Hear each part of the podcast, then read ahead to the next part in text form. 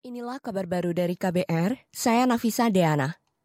Mabes Polri diminta memperhatikan masalah keterbatasan sumber daya manusia dalam pembentukan polisi RW karena masih banyak daerah yang kekurangan personel. Hal itu disampaikan anggota Komisi Bidang Hukum DPR Syarifuddin Suding saat rapat kerja dengan Polri hari ini. Apa yang disampaikan oleh Pak Kabaharkam dalam hal membentuk polisi RW, saya kira ini patut kita dukung. Tapi juga perlu dipikirkan tentang sumber daya manusia, SDM yang dimiliki oleh institusi kepolisian. Di beberapa daerah yang memang dalam beberapa kunjungan kerja kita di beberapa daerah di Polda-Polda itu masih mengeluhkan dengan terbatasnya atau kurangnya tenaga-tenaga personil yang ada di beberapa Polda. Anggota Komisi Bidang Hukum DPR Syarifuddin Suding juga mendorong Polri memprioritaskan program-program yang mendesak. Apalagi memasuki tahun politik menjelang pemilu 2024, Polri diminta siaga melakukan pengamanan di semua daerah. Kita ke informasi lain. PT Pertamina diminta mempercepat pembangunan buffer zone atau zona penyangga di Depot Pelumpang Jakarta yang terbakar Maret lalu. Anggota Komisi Bidang BUMN di DPR Andre Rosiade menuding pembangunan zona penyangga itu terhenti.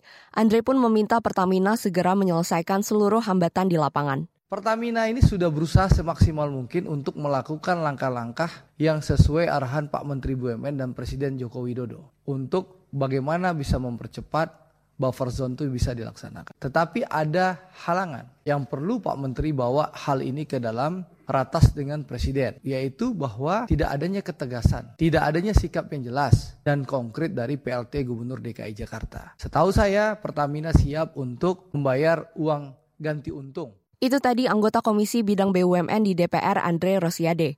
Sebelumnya, Direktur Utama Pertamina Nike Widiawati menyampaikan pentingnya keberadaan zona penyangga pada fasilitas strategis perusahaan demi menjamin keselamatan warga. Pembangunan zona penyangga menjadi sorotan pasca insiden terbakarnya depot Pertamina Pelumpang di Jakarta Maret lalu. Beralih ke informasi mancanegara. Sebanyak 19 orang tewas akibat longsor di sebuah tambang di Provinsi Sichuan, Cina. Insiden itu terjadi pada minggu pagi waktu setempat. Dikutip dari antara, sisi lereng pegunungan runtuh hingga menimpa fasilitas produksi dan tempat tinggal sebuah perusahaan tambang lokal. Lebih dari 180 petugas penyelamat dikerahkan ke lokasi longsor. Saat ini penyelidikan sedang dilakukan guna mengetahui penyebab longsor tersebut. Demikian kabar baru dari KBR, saya Nafisa Deana.